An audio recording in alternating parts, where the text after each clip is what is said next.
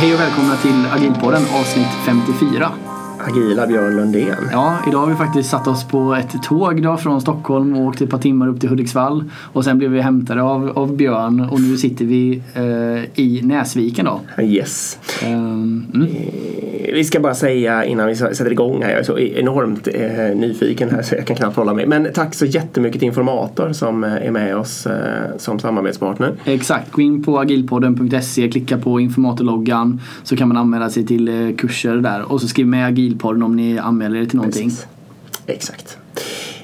Ja. Och, och vi ska få, få bok också innan vi släpper in. Jag, vet, Oj, jag, ser, jag, där ser, jag jag ser att du är sugen på att komma igång. Exakt, vår bok är ute nu och lättast att hitta den egentligen på Agilpodden också och klicka på boken. Men den finns ju på Adlibris Bokus eller Amazon.com och den heter Agile for Business. Precis. Så gå gärna in och köp den så är ni snälla.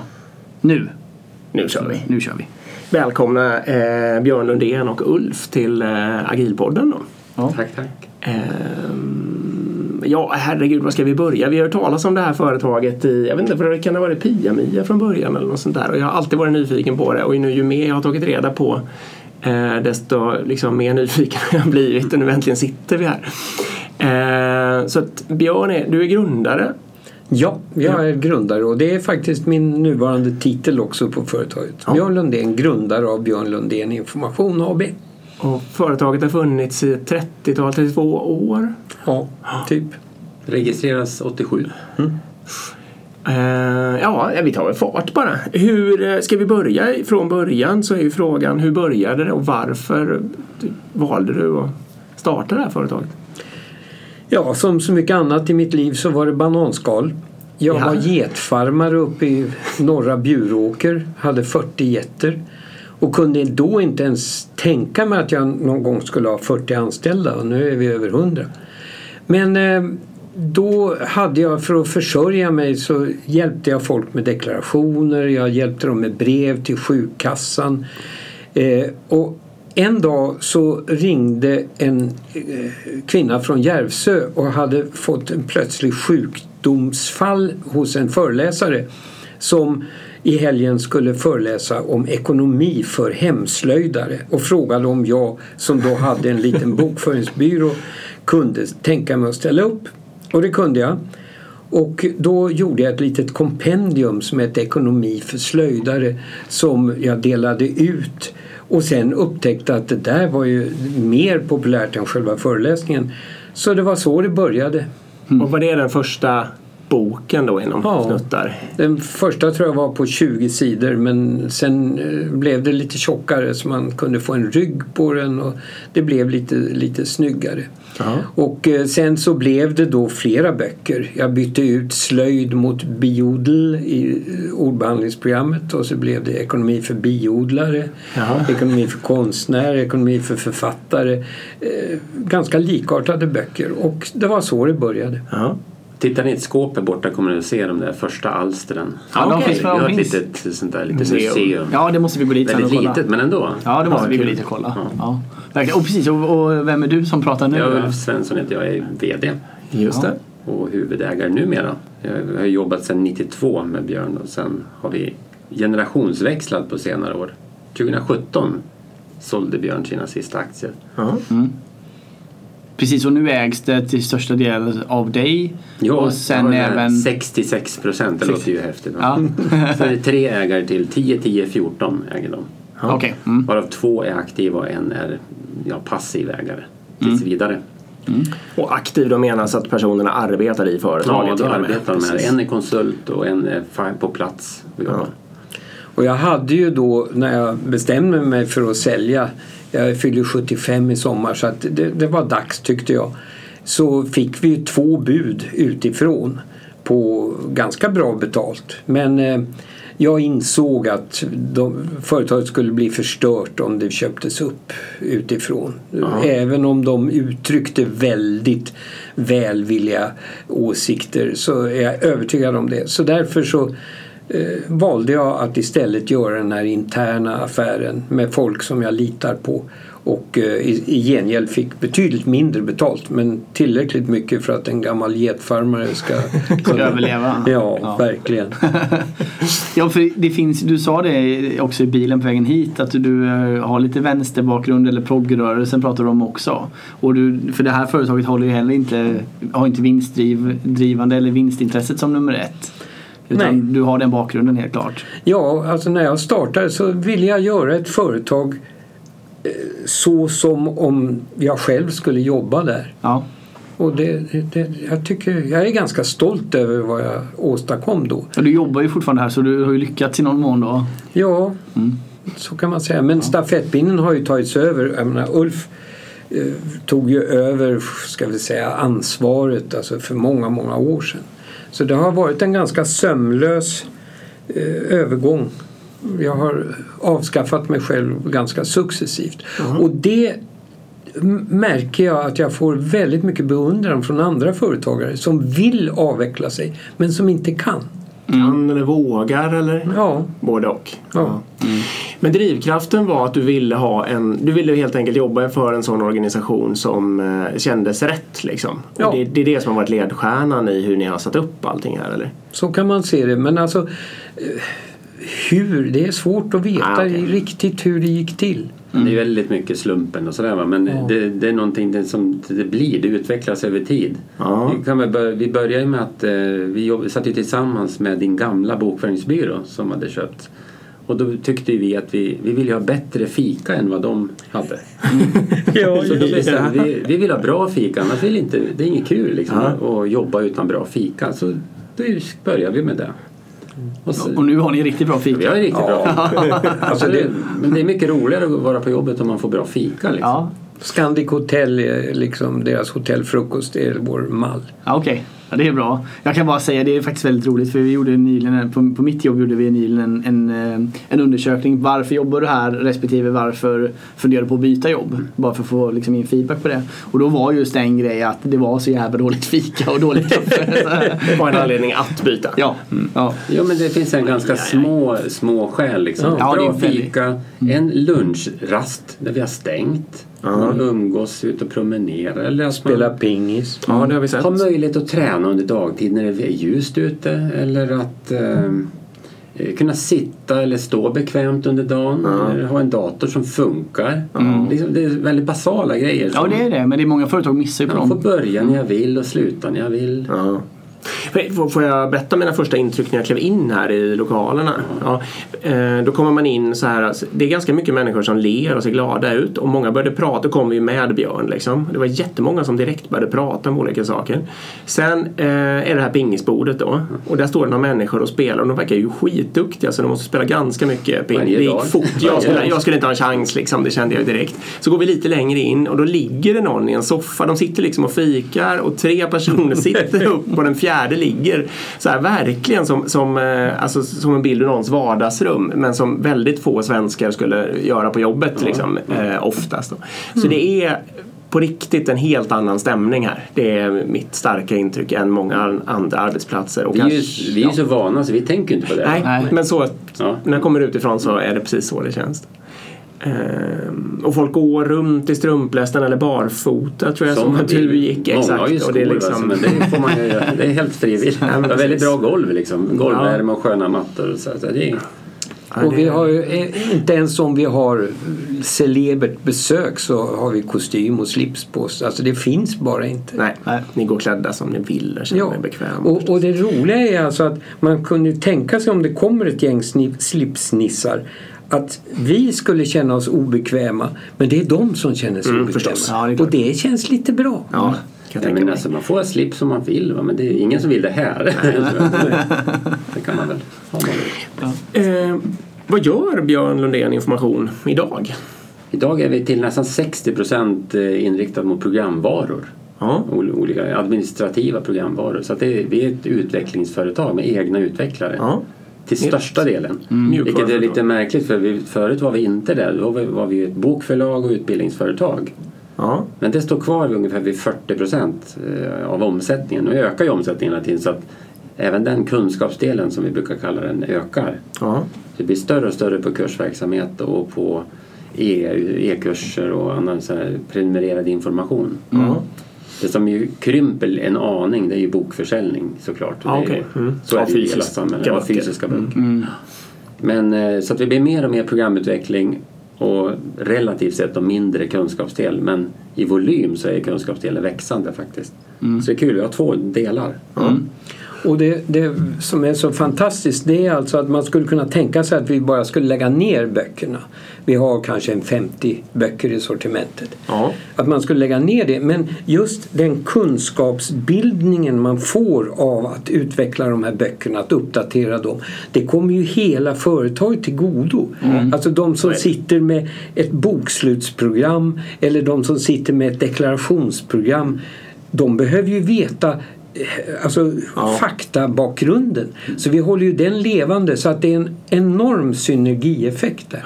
Om inte annat kan man slå upp saker i sin egen bok eller i era egna böcker. Ja. Så att säga. Ja, det är ett sätt att säkra kunskapsspridning också. Hur? Mm. Jag tror att- det, skulle man söka på nätet på någon, något ord inom eh, ekonomiområde, skatter, så här, då kommer det få en sökrätter. Vi är med bland de första alltid.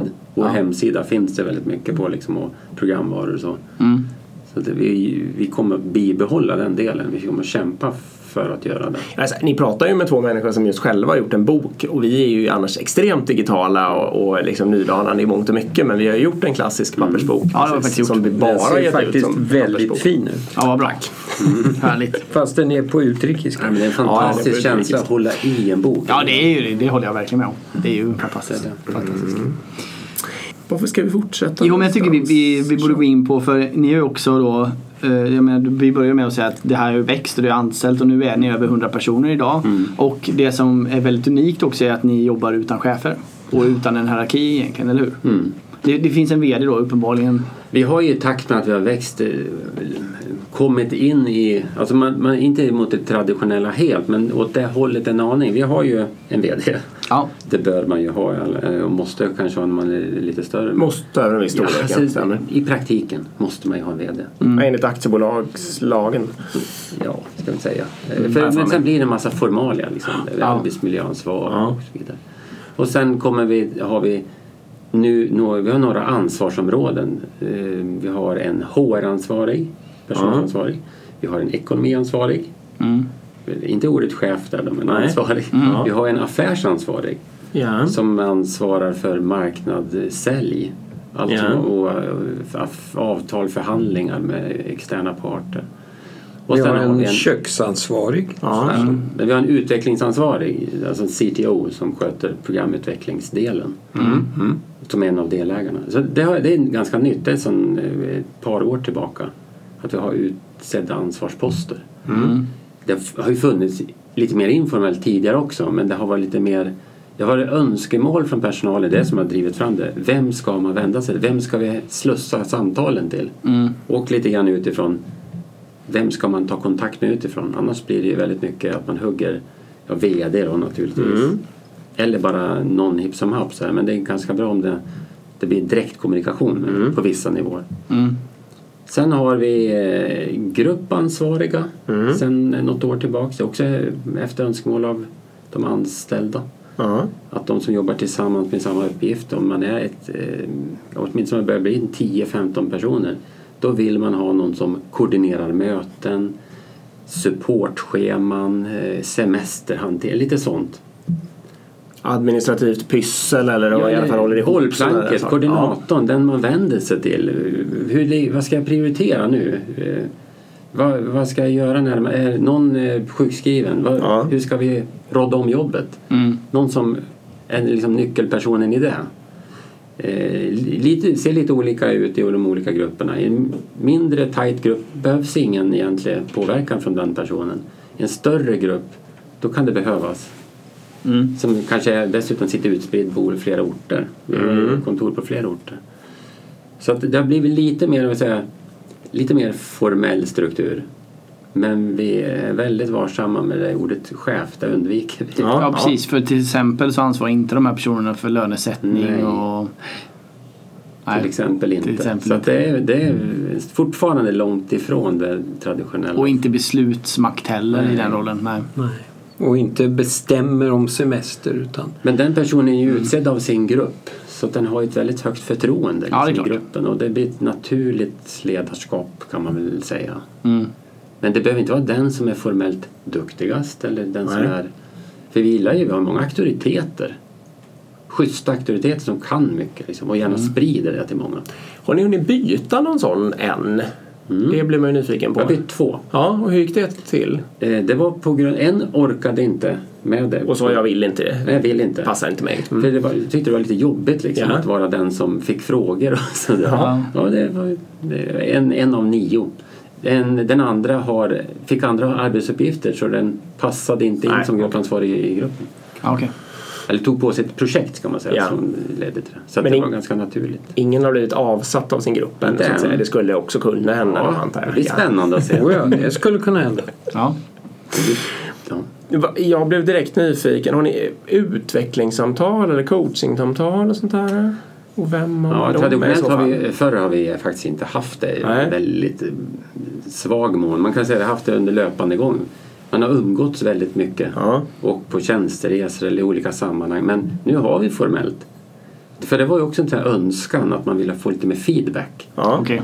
kan man förstå. I en växande organisation så blir det, man blir långt ifrån. Man hinner inte pratas med typ mig varje dag. Och så. så då har de här gruppansvariga faktiskt utvecklingssamtal. Ja, det är så ja. Ja. Jag har haft det bara två gånger hittills så vi får se hur det blir framöver. Men det, det, jag tycker det verkar funka. Det är uppskattat. Okej. Coolt.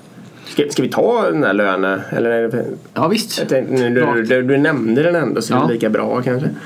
Och det var nog faktiskt exakt i det sammanhanget som jag hörde talas om Björn Lundén information första gången. För jag tror att det var att eh, just Pia-Mia berättade att här röstar man fram eh, vilka, vem som ska få vilken lön så att säga. Och alla löner är transparenta. Och alla löner är transparenta. Nu får ni berätta med, är det sant? Röstar man fram? ja, det är sant. Alltså, från början så, så satt man med ett papper, eller Ulf och jag satt och diskuterade med folk. Vad tycker du att de andra i din grupp ska ha och så vidare. Ja. Men nu är det lite mer formellt. Man har ett Excel-ark. Nej, det är inget Excel-ark. Det är inte- Nej, det är ett webbsystem som vi har gjort själva. Ah, titta, jag hänger faktiskt. inte med. Nej, men det motsvarar Excel-arket faktiskt. Ja. Var och en fyller alltså i vad man själv vill ha för lön och vad man vill att eh, arbetskamraterna ska ha för lön. Eh, om vi nu förenklar det hela. Eh, och, och sen så om man förenklar ytterligare så blir det så att man får snittet av vad, vad alla tycker att jag ska ha. Men då är det lite begränsningar där och Ulf har lite grann att säga till om. Han får ju då en överblick eftersom var och en sitter ju bara med sin egen Åsikt, så att ja. säga. Så att, eh, det, men det, det fungerar bra. Ja precis, och sen, men egentligen är det så att man- sätter lön på dem man anser sig själv kunna sätta lön på. Ja. Eller? För det kan ju vara så att jag har ingen aning om hur Kalle borta på någon annan avdelning presterar så då Eller bara jag är det. helt nyanställd och Ja, inte en susning. Nej, utan jag vet bara kanske fyra stycken jag jobbar med. Så kan det vara. Ja. Så är det. Och nu har det här utvecklats över tid och vi har ju haft personalen då har i olika gruppkonstellationer diskuterat sig fram till vilket system man vill ha. Så har det ändrats och så ändrats lite till. Det kommer ändras i nästa år igen är jag ganska säker på. Ja. Lite, För det är alltid någon liten brist som man upptäcker. Ja men då gör vi sådär. Så idag är det, man sätter inte, föreslår inte en lön i kronor. Men man har ju ett antal faktorer att spela med som kommer att påverka i kronor sen. Okej. Man, man kan säga betygsätter, det låter ju hårt va? men Ja, men någon prestationsbedömning. har ett också. antal Ja. olika faktorer. Ja, förstår. Det är social förmåga, kompetensen, eh, det kan vara hur väl man sprider sin kompetens. Ja. Lite sådana. Mm. Och sen så vägs det ihop. Och så har vi ett grund. Vi har ju, vi har ju en ganska schysst grundlönehöjning på alla. Ja, som är KPI, relaterat till KPI. Alltså hur bra Och hur företaget går. Dels, Nej, nej, inte- riktigt, utan inflationen. Vi försöker Aha! Hålla inflationsskydda. Mm. Och titta lite på vad kollektivav, motsvarande kollektivavtal ger. Så att vi ser Okej. till att ligga väl över kollektivavtalshöjningarna. Ja. Och det kanske är dumt rent företagsekonomiskt. Vi, vi är inte vinstmaximerande riktigt. Nej. Utan vi vill ju gärna dela med oss till personalen liksom, lite extra. Så vi ligger över kollektivavtalen. Vi har inget kollektivavtal ska vi säga. Nej. Det, Det är, det är liksom en förutsättning faktiskt för att man ska vara, kunna jobba lite fritt med lönerna.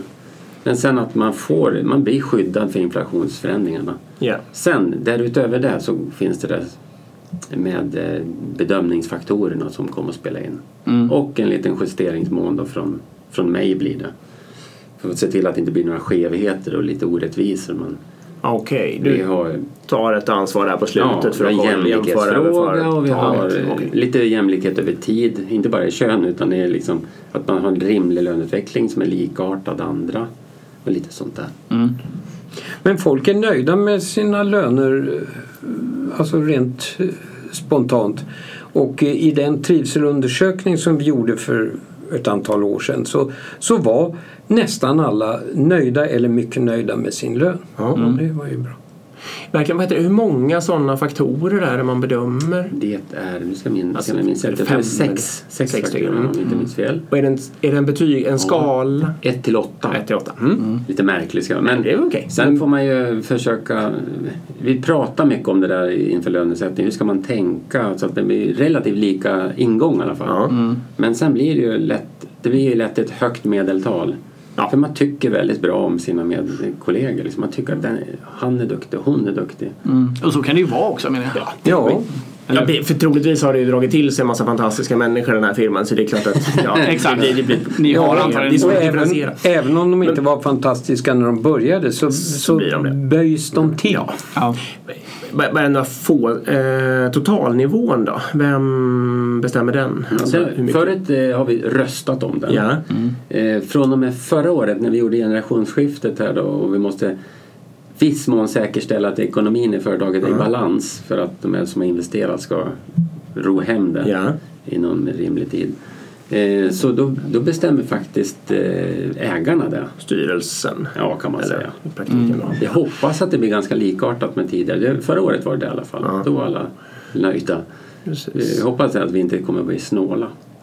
Och det ska sägas också att just exakt, för det berörde vi förut här, just exakt omröstningen är inte transparent utan eh, man, den är konfidentiell. Det är bara, du kunde se den men, men se alla kan inte titta på allas. Liksom. Men, alla vet vad alla tjänar. Eh, För, se, men ser alla sen vad alla fick också? Ja. Ja. Ja, Så det blir otroligt påtagligt. ja det blir det ju. Så att det blir ju givetvis i en grupp på över 100 så är inte alla supernöjda. Nej, så såklart. jag får ju ett antal påhälsningar. Ja. Det, vi får diskutera igenom varför blev det så här tror vi. Ja. Och med en gruppansvarig kommer det bli bättre, det blir tajtare feedback tror jag. Ja. Så jag tror att det kommer bli bättre i Och du kan få hjälp i de dialogerna Ja. också. De ligger närmare rent eh, jobbmässigt också. Lite så ja. Mm. Mm. Men alltså det är ju helt klart att det är fullständigt omöjligt att sätta fullständigt rättvisa löner. Alltså det är det. Så att, eh, men med det i bakhuvudet så får man göra så gott det går och vi gör verkligen så gott det går. Jag Ja. tänkte säga det också, kan man se det som att det är just det ni gör? Att ni sätter fullständigt rättvisa löner? För att, Ja, på, I någon... ja, men vem gör inte I någon det? om inte demokratisk det synvinkel gör vi nog det. Ja, att- men också med lite hänsyn till ägarnas utrymme och lite ditten och datten. Det är ju väldigt genomtänkt. Det måste Ja, jag ju- det är väldigt genomtänkt men eh, om- skulle du fråga alla hundra så kommer du ha massa olika avvikande Ja, åsikter. jo. om Ja, såklart. För det är klart att en en person viktar sin utbildning högt. Ja. Den andra personen som jobbar med samma sak men inte har någon utbildning alls presterar lika mycket tycker att det är väl irrelevant. Ja. Så det är så Ja, det är jättesvårt. Men det är fantastiskt spännande och just eh, jag tänker det måste ju också väcka, om, om man säger nu att, att jag skulle vara en individ som fick lågt här. eh, Då, det skulle ju väcka en nyfikenhet hos mig. Om jag ser, att jag kan se att jag får lågt relativt mina kollegor. Det skulle ju väcka nyfikenhet hos mig också att reda på okej vad kan jag förbättra då till nästa Ja. år liksom. Och, och, Och det har hänt och så vidare. att folk har frågat det. Ja. Jag kan tänka mig att det blir en ganska naturlig... Ja. Men givetvis är ju målet att man ska ju redan veta det innan. Alltså egentligen Jo, ska ja, man ju under drift ha, med, särskilt med de här gruppansvariga hoppas vi att det blir tajtare Mm. Möjlighet till feedback liksom, så att det går i loopar hela året istället Mm. för Vi, eh, jag har i alla fall funderat mycket över vilka egenskaper när man rekryterar eh, vill man att folk ska ha. Och, och om man vänder på det då så finns det en egenskap som jag har svårt för och det är när folk fullständigt saknar självinsikt.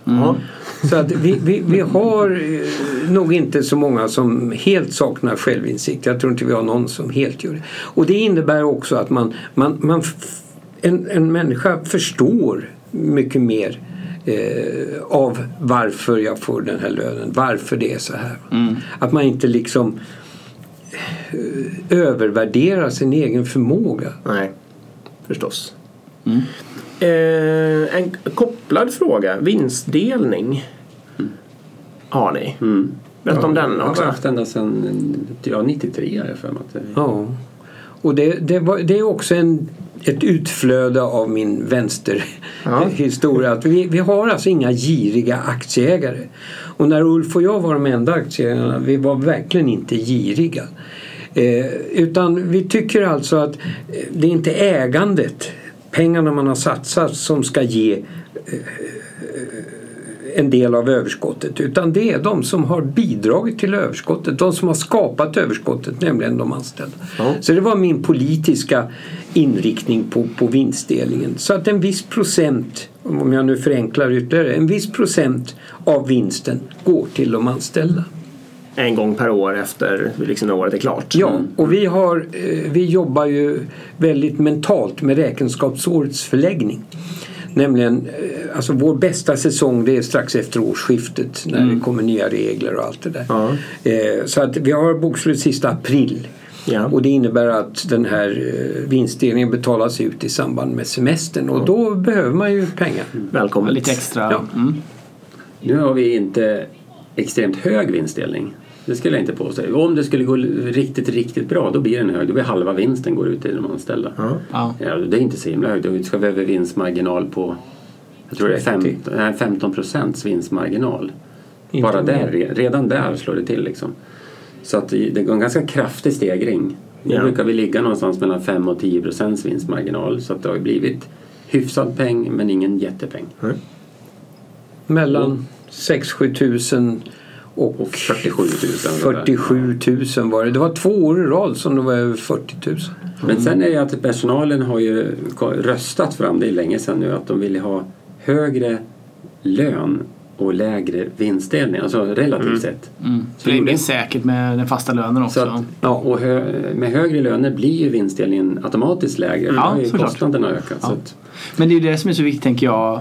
Eh, Att, att alla som jobbar förstår den här helheten och förstår ekonomin och förstår vad alltså intäkter och kostnader är och hur man bidrar till det. Om man inte, ofta är det ju så när man bygger traditionella bolag är att man, man klipper ju värdekedjan och sen skapar man separata öar och sätter man en chef för varje ö. Och sen så blir det just att ingen, eller många av de här öarna förstår inte hur, hur, hur pengar flödar och då blir det också väldigt svårt att ta sånt här ansvar. Alldeles riktigt. Hos oss är ju vinstdelning baserad på the bottom line. Alltså vad vi får, och inte jädra i förhållande till någon budget om man uppfyller budget. Ja, för det, då, då får ju den som gör budgeten en jättemakt. Så att, utan det är the bottom line. men eh, att vara insatt i ekonomin vill vi ju att alla ska vara och då alla har förutsättningar att vara det. Dels jobbar ju många med Just just, de ämnena. Ja. Men även om man inte gör det så eh, redovisar vi ekonomirapporten på ett hyfsat spänstigt sätt sådär, varje, eh, på ett personalmöte. Varje månad. Mm. Ja, Okej. Helt avstämt. Och extra mycket när vi har personalkonferenser. Liksom, går vi in på djupet kanske och förklarar med lite mer ja, du vet, bättre layoutade rapporter om man säger så. Så att Ja. man får ut, även, om, även om man inte jobbar med siffror ska man kunna hyfsat greppa det. Förstår Så att alla eh, har ju väl löpande möjlighet i alla fall. Ja, det är bra. Så att folk är intresserade. Ja, det är klart. Och det gör också att vi inte har någon budget. Nej, just det. Det är ju också Och jättespännande. det sparar man ju hur mycket pengar som helst på att slippa göra en budget. Ja, precis. Du hade sagt att, budget, att göra en budget är slöseri med tid. Visst Ja. så? Mm. Slöseri med resurser.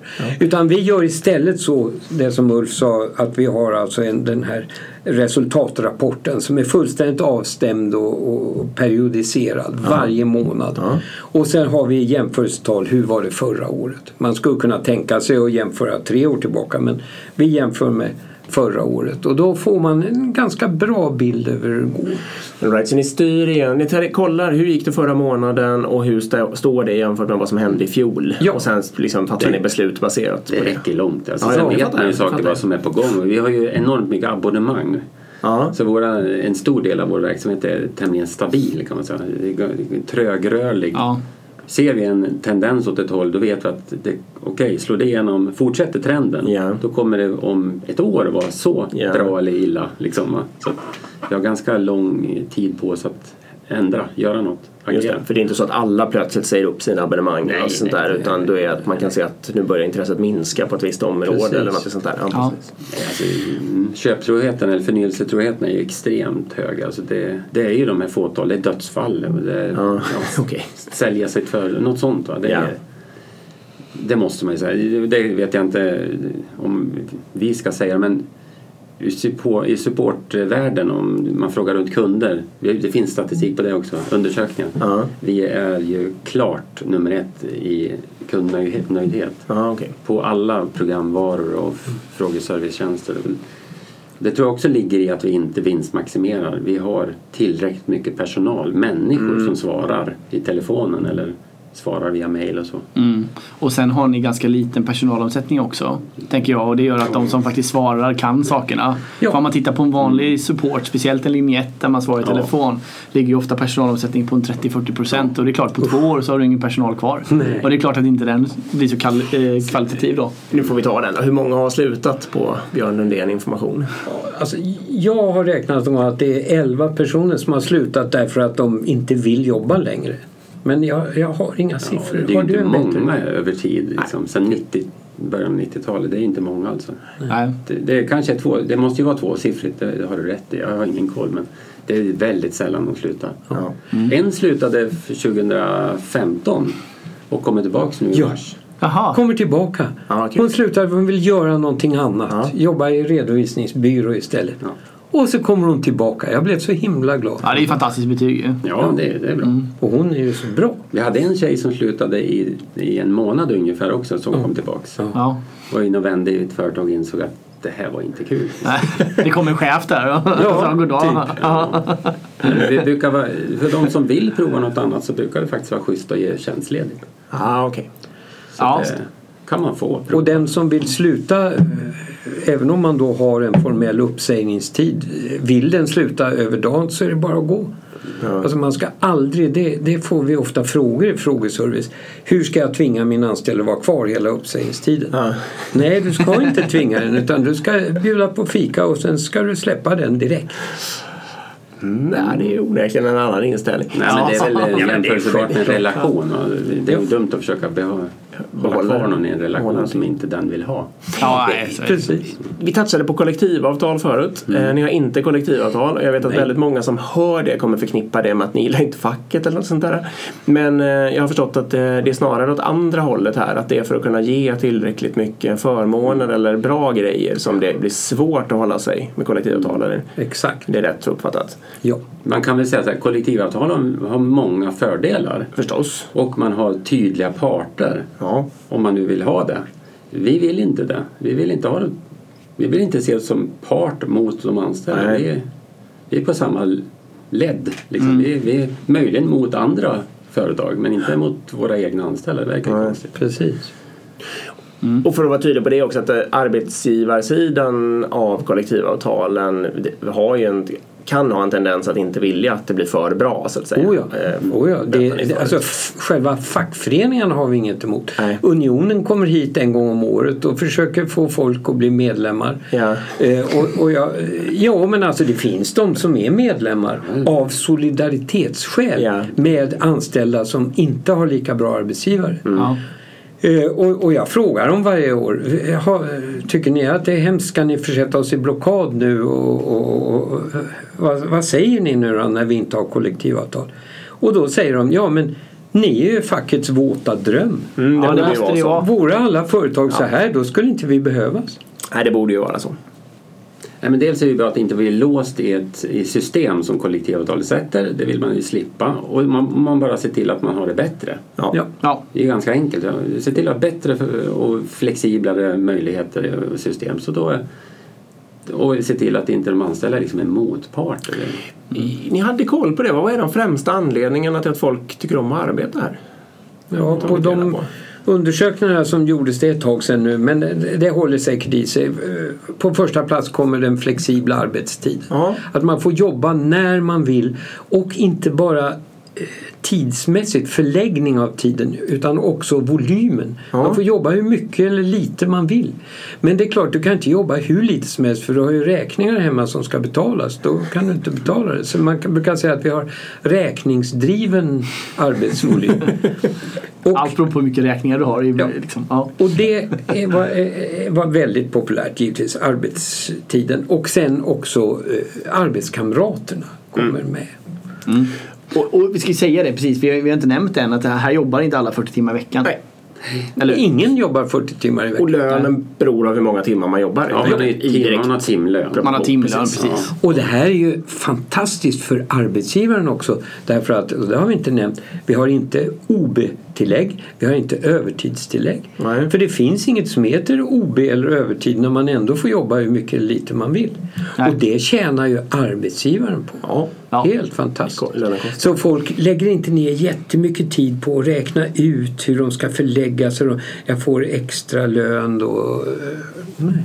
Hur rapporterar man hur mycket man har jobbat? Gör man det i något smidigt Det system? är ju intranätet. Vårt intranät har vi en, eh, som ja, webb-excel-ark för varje person. Ja. Så att man går in där och skriver varje dag. Liksom. Ja. Hur många timmar man var här. Många timmar man var här och man hade en motionstimme. Som man, Det var ett antal betalda per månad.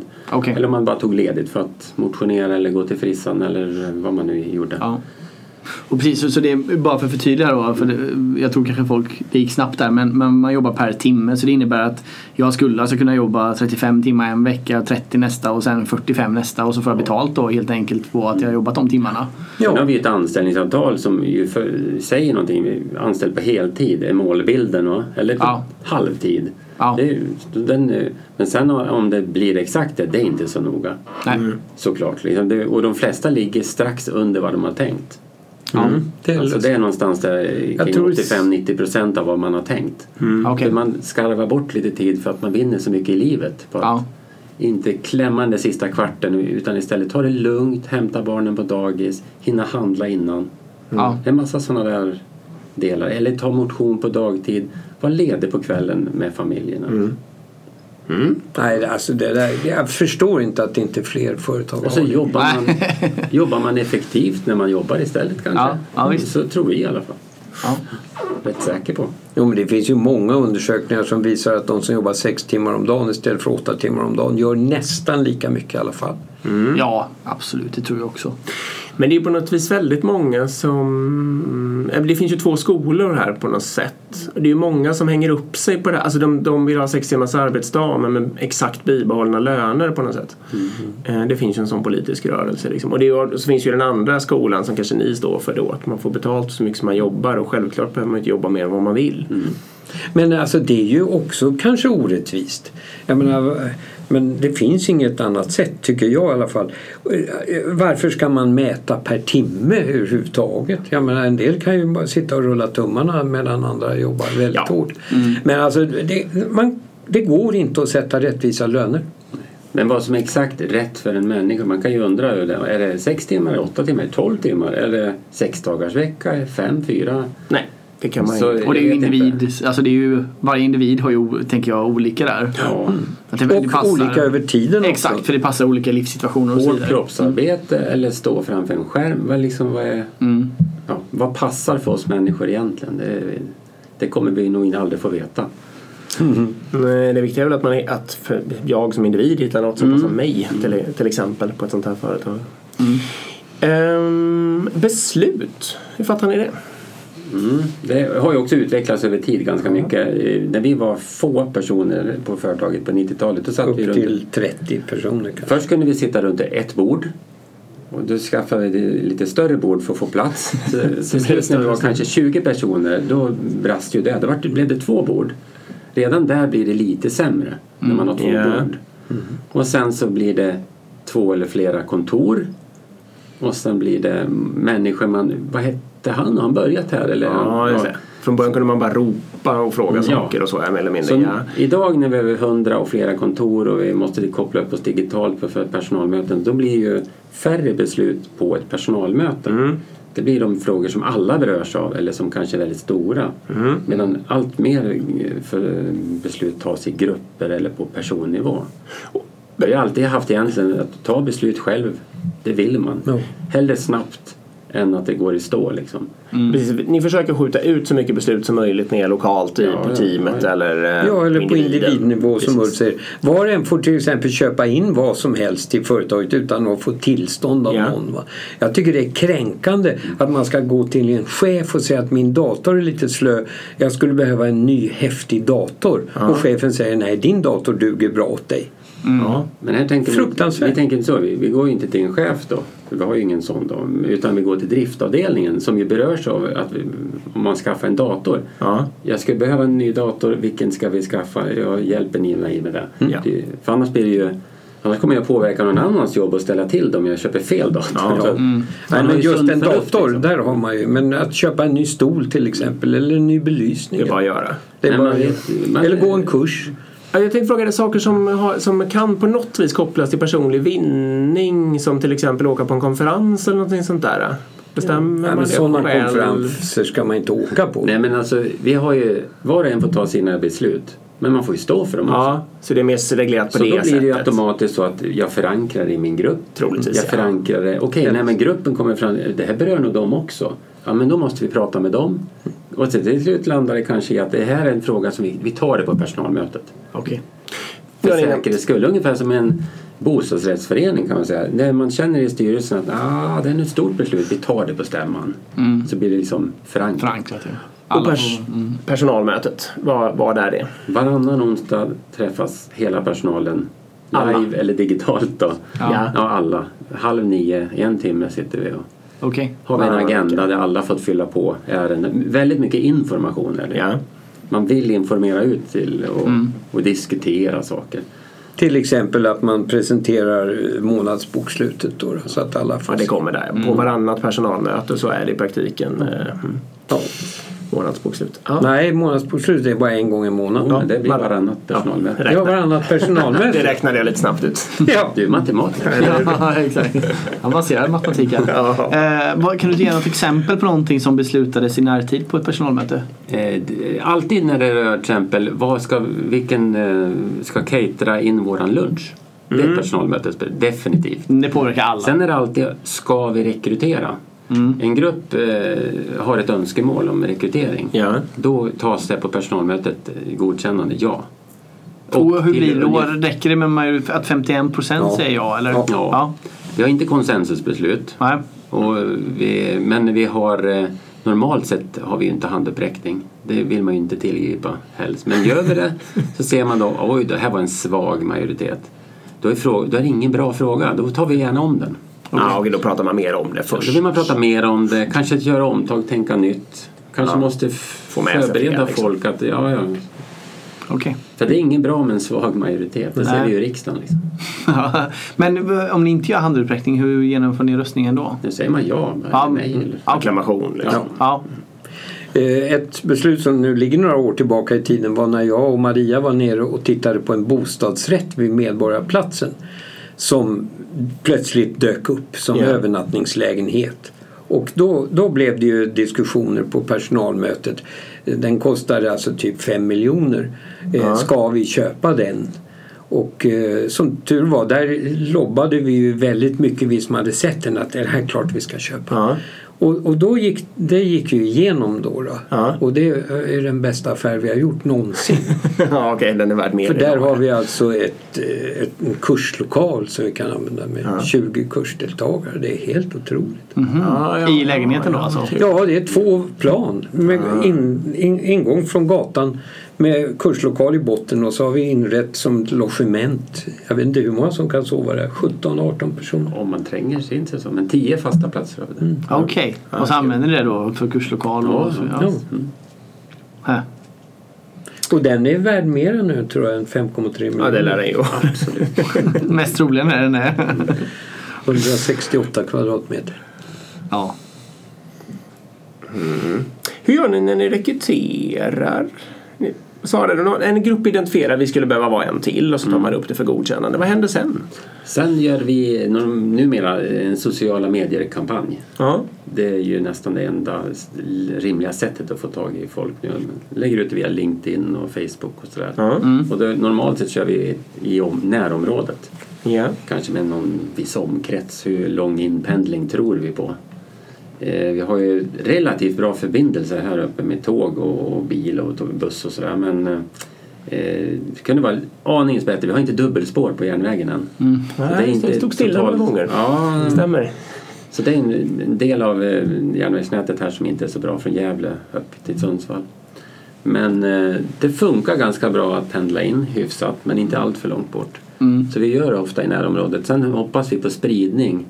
Hemvändare från Stockholm eller kompis som eh, har visat intresse för att flytta ut. Eller något sånt där. Ja, ja. Så det, det funkar bra. Jag pratade med hon i köket här. Hennes två döttrar jobbar ju här till exempel. Ja. Ja. Jo, Det är närområdet. Ja, det är, men alltså, det är många här som, vi har ju ett antal som har barn med varandra här. ja, det är klart. Så lär det bli. Så lär det bli. 34 procent träffas ju på jobbet sägs det. Ja, okej. Så Oj, så- oj, här jobbar man ju då i Många år, 20, så att det 30 kan- år. Så här, så att, Men vi får ju ofta ganska många, förvånansvärt många ansökningar. Det har ju alltså spritt sig i alla fall i närområdet att vi är en fantastisk arbetsplats. Och det, det är folk som har gråtit av lycka när de har blivit meddelande att de har fått får jobba här. Så att det, det, det är roligt. Och om vi fortsätter här, hur eh, går själva urvalet till sen? Ponera att jag har ganska mycket bra ansökningar. Mm, då har vi dels vi har ju vetorätt. All, det är transparent även där. Alla i företaget kan se alla ansökningar. Ja. Och det får vi vara noggranna ur Ja, GDPR-synpunkt. för att vi, vi är sekretess och sen de- deletar vi alla som tar bort alla som inte är aktuella. vidare, och, ja. ja, vi sållar bort. Men eh, så att det går att lämna ett veto, nej. Eller eh, Promota. Frågetecken eller pusha för nå- någon extra, något man vet någonting om. Sen är det ju den här gruppen som har eh, äskat om rekrytering. De håller ju i rekryteringen tillsammans med vår HR-ansvarige. Och sen får vem som helst ansluta. Om man skulle vilja. Ja, vara med, Absolut. Sen gallras det ju så att man får någon slutrunda och i den slutrundan då vill jag gärna vara med också. Så du träffar alla Ja, som börjar här än så länge? en känsla för personen. Och då har vi, vi har ju inte en, eh, intervjumanus så det blir lite olika beroende på vilken grupp det är som håller i det. Mm. Vissa är mer strukturerade, andra är mer fripratande sådär. Mm. Men det kan väl säga, det, det överlägset bästa är att friprata med människor. Mm. Gärna se hur de beter sig vid fikat eller något sånt där. Det, det är, ju- för den där strama intervjusituationen är ingen, det är ingen höjdare. Hur mycket har en, en person som ska börja här och som blir utvald sen, hur mycket har den varit här? Alltså hur många timmar ungefär har den varit här och träffat folk innan ni bestämmer tre er? timmar kanske. Ja, då har den ju varit hit en gång. Ja. Och sen den andra gången blir man, är man ju i det slutliga urvalet Ja. antagligen. Ja. Men eh, sannolikt eh, har man ju, känner man ju till företaget väl, Ja. kan ha varit här tidigare på grund av studiebesök Ja, eller Också förstås. skolan. Ja, men jag tänkte i Nej, rekryteringsprocessen. men då är det inte så himla Det är lång några tid. timmar. Ja, några timmar. Inte enormt lång tid. Men vi har ju också spontanansökningar där någon till exempel praktiserar hos oss. går förstås. någon praktik och vi tycker att den här verkar jättebra. Då, då struntar vi i att sätta ut annonser och så. Och vem, för jag förstår att alla vet det då, men vem fattar det positiva beslutet så att säga? I grupp. I- Det gör den Det gör aktuella gruppen. Ja. Man röstar väl i värsta fall. I värsta fall röstar vi och det, det, det, och det blir faktiskt ofta röstningar för de slutliga eh, kandidaterna är ofta väldigt bra. Mm. Och det är, människor är väldigt bra oftast. Alltså, det, det är så sällan man stöter på någon som man känner nej. För de- lyfter i, när man får ett bra samtal, då lyfter människor. Man får ut så mycket, man vill ju anställa allihopa liksom. Det blir, Nej, det det blir det tyvärr ofta omröstning men det blir rätt samstämmigt. Mm. Och ibland är det ju så att den som just då inte får ligger kvar och skvalpar i en låda och, och sen när vi behöver folk nästa gång Mm, så, det kan så, så ja, kan den dyka upp igen. Ja. Och man kan ju säga det också just med en, stor styrka eh, som jag upplevt med att låta teamet vara med att rekrytera det är ju också att man behöver inte ha en onboardingprocess. För när personen börjar så är det naturligt för då har ju teamet efterfrågat personen och de har dessutom varit Ja, med och ja. anställt den. Det finns ju inga taggar utåt alls. Exakt, liksom. utan det är bara hej välkommen och så på en gång så suger ju gruppen in personen då och lär upp och så Precis. vidare. Mm. För det är ju en stor skillnad om man jämför med vanlig rekrytering där ofta då Alltså en traditionell chefsrekrytering där chefen träffar, Mm. intervjuar lite, bestämmer sig och sen kommer en dag och säger hej här är nya medarbetare. Mm. Och så måste då liksom Och den ska säljas in. Exakt, ungefär Mm. så va. Och ska hålla hand då med, med chefen om några dagar och så vidare. Mm. Usch. Rekryteringsföretag är jag ju väldigt tveksam till. Ja. Jag förstår alltså det, det kommer ju tonvis av ansökningar eller man Ja. måste sålla kanske men ja, jag vet inte. Nej. Kanske stora företag behöver det men inte, mindre företag. Kan inte tänka mig att man behöver det. Nej. Man måste ju träffa människor liksom. ja, det känns ju viktigt. Skaka hand och titta, se i ögonen liksom. Ja. Nej, jag är med dig. Helt och hållet. Jag har en väldigt principiell fundering så här. Jag vet inte om ni har tänkt på det här. Men hur stort eh, kan Björn Lundén information bli? Ja, vi kunde ju inte bli 20 personer, vi kunde inte bli 50, vi kunde ju inte bli... Så jag Nej. vet inte. Nu har, vi, nu har vi ändrat strukturen en aning för att anpassa oss till en större... Ja, för det är ju en skalningseffekt eller så. Ni hade inte behövt de här eh, Gruppansvariga, gruppansvariga om ni hade varit inte 20. när vi var 50 nej, nej, precis. Nej men jag har alltid sagt så här när vi var 25. Max 30. Ja, okej, Alltså en skolklass. haft olika Ja, sen gränser var vi sen har du 40 sprängt då kanske man max 50. Så att idag det är ganska meningslöst att Ja, göra okej. en prognos, ett Ja, svar. men- men, alltså vara 4000 anställda på, i fem världsdelar, det går inte. Nej, för, för jag skulle nämligen svara, när jag hör allt det här och hör om all, eh, hur ni tänker, alla värderingar och allting. Då skulle jag svara ungefär 250. Mm. Och då menar jag så här. Menar du? Ja. Utveckla det där Jo, jag ska utveckla det. För att det finns någon, en, jag kan inte det här jättebra, men det finns ju teorier kring hur stor en flock kan bli. Eh, utan att behöva något polisväsende och, eller liksom någon, någon form av sanktion och sådana där saker. Och det är ju då så många man kan vara så att alla fortfarande kan ha någon form av social kontroll och känna alla. Och det tror jag går någonstans uppåt 250 människor eller något sånt där. Och jag tror att ni med den här, eh, vad ska man säga, med den organisationskulturen som råder skulle kunna få problem om man gick långt över det. Och det, det är därför jag frågar om ni hade funderat på det. Men det Jo, finns vi har ju... ständigt funderat. Ja, det, det är jättespännande. Men vi skjuter på problemet tills vi märker någon effekt. Alltså.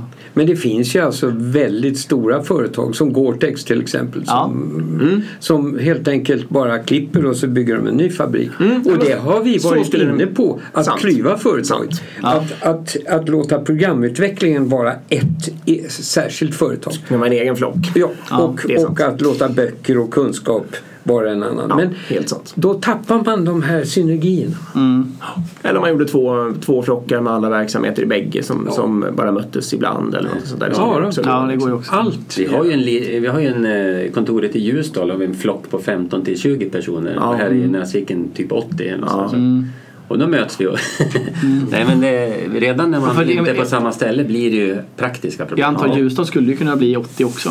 Ja. Eller hur? Ja, oh ja. Det skulle ju kunna Det var ett funka. väldigt fint kontor, det har inte ni sett. Men Nej. det är finare än här faktiskt. Okej. Otroligt intressant. Ja, det är väldigt, väldigt spännande. Är det någonting här som är otransparent? Nej. Något som är hemligt? Ja, hur folk Ja, det- röstar det- då var ju hemligt till exempel. Ja men det finns ju till exempel, ja precis vad man röstar om i Programkoder och sånt. Eh, det finns ju avtal, för allt det där affärskritiska. Affärshemligheter finns ju. affärsjuridiska, Ja, det just får man det. ju. Ja. Eh, nej, vi försöker ju ha det. Det är ju lite kämpigare nu efter GDPR. Ja. Får vi tänka efter mer så att det är lite mindre transparent i alla led. I alla fall svårare att få, till transparensen Ja. kanske på ett lagligt sätt då så att säga. Ja, precis. Men annars försöker vi väl eh, så mycket vi kan. Alla vet hur mycket Ulf tar ut i lön. Alla vet vad jag Ja. får i, i, i arvode. Alla kan ju gå in i ekonomisystemet och lönesystemet. Det är bara att gå in och Ja. kolla. Så alla har tillgång. Så Alla medarbetare kan Och alla kan också kolla och det där är ju lite känsligt. Där. Alla kan ju kolla hur mycket lön eh, en kollega har fått och så kan man fundera, har han verkligen jobbat så här mycket? Alla kan titta på varandras tidrapporter. Mm. Det, det finns... Ja, just det. Allt är öppet där. Nu är vi inne på det. det, är ju, och det apropå det där med flock är ju det då. Då ställer man ju varandra till socialt ansvar för sådana Ja. där saker. Och mest troligt kommer ju inte någon börja försöka mygla i stor skala. För Nej, det, nej. den vet att alla I andra alla ser fall den inte på en något sätt. förnuftig människa. Nej, precis. nej, men det kanske Inte är- en människa Men det är ju likadant med inköp. Om man, vi har en lustig historia om Lars Engelbrekt som köpte en truck Ja. jättebilligt till lagret. Va? Som visade sig komma från Vitryssland eller Ukraina eller någonting med Ja. ett annat mått på, pall, på gafflarna. så att, och det var därför de var så jäkla inte billig. europallar. Nej. Nej. Så att, så att, eh, men, men alltså, han retades ju på ett välvilligt sätt ändå. Då, men liksom, ska du ner på laget och köra truck på lunchen? Eh, så att han, han la ju ner enormt krut på att med BT-truck då köpa en, en riktig truck som Ja. funkade och tvingade dem att ta den andra i byte. Det, han vill inte se Såklart. det. Nej, han vill ta ansvar för sitt Nej, misstag där. Men det roliga var att de sa nej men den där kan ni, vi, vi har betalt för den men den får stå kvar. Och då sa Lars Engbrekt nej den ska härifrån. Den borde ni ställa in på museet för övrigt. Ja, det kanske, kanske skulle ha gjort. Vad, roligt. Vad har hänt mer för sådana här roliga saker av den här och inköpsmässigt och så också? Jag tänker nu, det måste ju finnas en del sådana här härliga stories ändå. Inköpsmässigt? Jag, jag tycker inte att det finns enormt många ändå. För Nej. just det sunda förnuftet och att man förankrar. Det Mm. liksom ligger i Mm. nat- ens natur när man jobbar här tror jag. Och sen vrider man till det. Vi köpte ju ett litet hus här uppe, ett gult hus där vi egentligen skulle suttit idag. Och det var ju inte i riktigt bra skick, den saken var klar. Trots det låga priset så var den väl inte riktigt värdig. Men då fixar man till det och renoverar och fixar. Nu är vi jätteglada att vi har det. Ja. Mm. Spännande. Jag undrade över moralen eller etiken så här. Har ni liksom det känns ju som att den styr här. Ja. Finns, är det, sitter det bara i väggarna eller finns, finns det text? Ja, det finns text. Det finns i text. Ja. Pratar Det om... sitter framför allt i Ja. väggarna. Men vi pratar om det. Vi pratar om det varje år. Ja. Vi pratar med alla nyanställda om det. Ja. Vi har vad vi kallar rookie-träff. Att vi går igenom, som en, ja, ny till NHL. Ja. Mm. Att man går igenom, så här är det. Så, så här tycker vi. Och liksom, kan, man inte, kan, går, kan man inte anpassa sig till de här värderingarna, grundtankarna, Ja. då passar man inte här. Mm. Sen kan Kan, man... man... kan det vara fly, alltså flyger ni eller eh, Kvinnovänlighet, alltså inte kvinnoförtryck, jämlikhet. Ja, Eh, att man inte pratar skit om varandra och sådär. Men alltså det där är ganska självklart. Alla de här självklara sakerna som till exempel metoo-rörelsen Ja. Vi, vi hade upp, då tog vi upp det till diskussion. Ska vi prata om det här vi också? mm. Nej men vi gör ju det varje år. Ja. I den här, på personalkonferensen drar vi det varje år på alla nyanställda.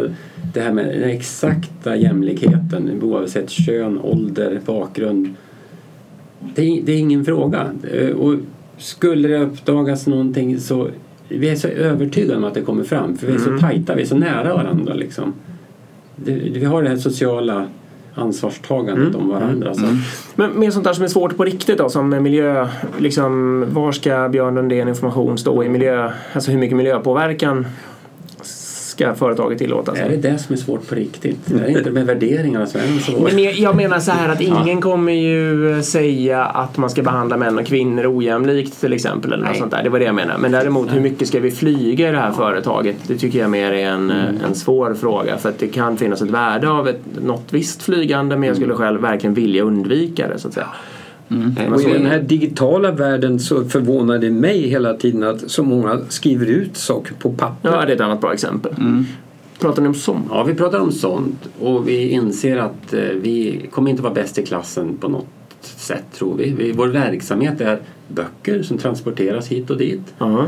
Vi har kursverksamhet, folk tar sig hit och, dit för att gå på kurser. Fast vi har ju Vi har e-kurser också. jättemycket digitala varianter också, vi har programvaror. Men vi, vi gillar tanken på att människor möts. Ja. Vi tror på fysiska möten, alltså events, kurser, kunddagar. Så vi kommer att göra ett miljö och klimatavtryck. Mm. Och det måste vi stå för att vi gör. Vi, vi ska inte säga att vi... Visualiserar ni det? Alltså, Vi skriver om det på hemsidan tydligt Ja. att vi tänker på det här. Och Ja, det är bra. Men vi kommer inte att vara bäst i klassen. Nej. Vi har inte den typen av verksamhet som vi ser idag. Vi, vi är ganska medvetna. Mm, vi men det låter ju så. Mm, det låter ju vi så. klimatkompenserar en hel del men sen är jag också en fråga. Är det plantering av träd i, som är grejen? Vi vet inte, är det bästa valet? Är det, vad är bästa valet liksom? Nej, det är ju så ti- lite tidigt att veta det Ja, kanske det på någon slags världsnivå. ja. Men, Mm. mm. Ja, vi men- känner oss lite, vi, har, vi känner att vi kommer till korta en aning. Och vi, men vi, vi kommer nog inte att kunna vara bäst på det inom överskådlig tid. Nej, och det kanske man inte behöver vara heller men att vara medveten är väl ett bra första Ja. steg. Eh, och att börja tänka på det aktivt är väl också ett bra sätt. Ja. Ehm, till exempel så föreslog du Björn att vi skulle åka tåg hit och att du kunde hämta oss på, på tågstation vilket vi eh, på en gång Mm. ville göra. Och det är primärt för att vi vill jobba på tåget men Mm. också för att det har en mindre miljö. Ja, ja, moral. Men jag gillar exempel, jag gillar den här vardagliga nivån. Jag gillar tåg. Vi åker tåg Mm. i, landet nä, nästintill alltid. Vi, har, vi eh, handlar närodlat. Mm. Vi gynnar, eh, eller när, vi köper nära. Det kan vara Mm. närodlat, det kan vara eh, en, en handlare eller någonting nära. Mm. Det vill, finns en butik här nere och vi handlar jättemycket mat där. Mm. så vi tänker, det lilla, så här, vi har åter, jättebra återvinning. Vi, Mm. Men det är ju någonting vi har hållit på med i princip sedan början, sedan 90-talet. Vi kommer från den gamla miljörörelsen.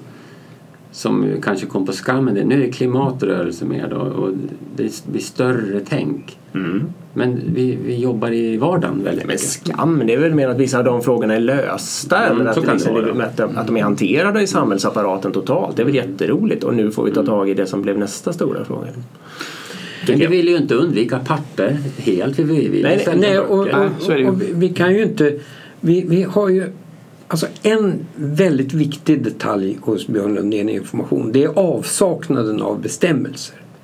Alltså man skulle kunna göra en bestämmelse över, som drabbar då de medarbetare som vill läsa på papper. Och säga att du får inte det. Vi, vi eh, kvoterar kopiorna. Du får läsa på skärmen.